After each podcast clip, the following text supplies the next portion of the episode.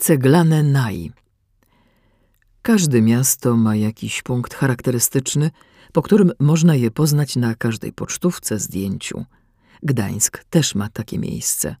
To największa gotycka ceglana świątynia na świecie. Stanowi wizytówkę Gdańska, jego koronę, a zarazem jest punktem odniesienia podczas wędrówek po mieście. Mowa tu o kościele w niebowzięcia Najświętszej Maryi Panny – przez Gdańszczan nazywanym po prostu mariackim lub bazyliką. Przy tym miano bazylika odnosi się nie do architektury, ale do rangi, do jakiej kościół ten został podniesiony przez papieża Pawła VI w roku 1965. Kościół mariacki wybudowano w czasie katedr w ciągu 159 lat. Nie było to ani krótko, ani długo. Od tak wtedy budowano. Czy już wtedy wiedziano, że będzie kościołem naj na świecie?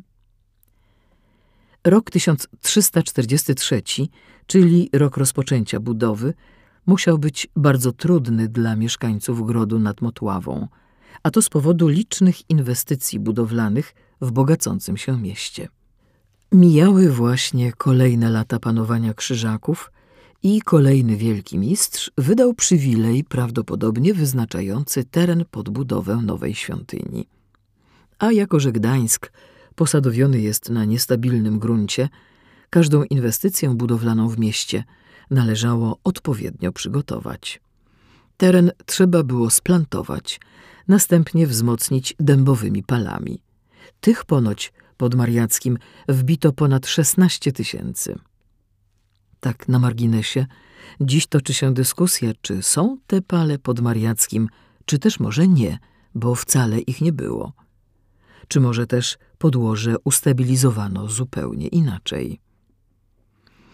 Następnie należało założyć fundamenty, tak zwaną ławę kamienną, a tę zaś uszczelnić matami z wikliny nabitymi nawozem zwierzęcym – Trzeba było też wyrobić odpowiednią liczbę cegieł i zaprawę do nich, a zaprawa musiała być takiej jakości, żeby dobrze związała potężne mury tej ceglanej ody do Boga.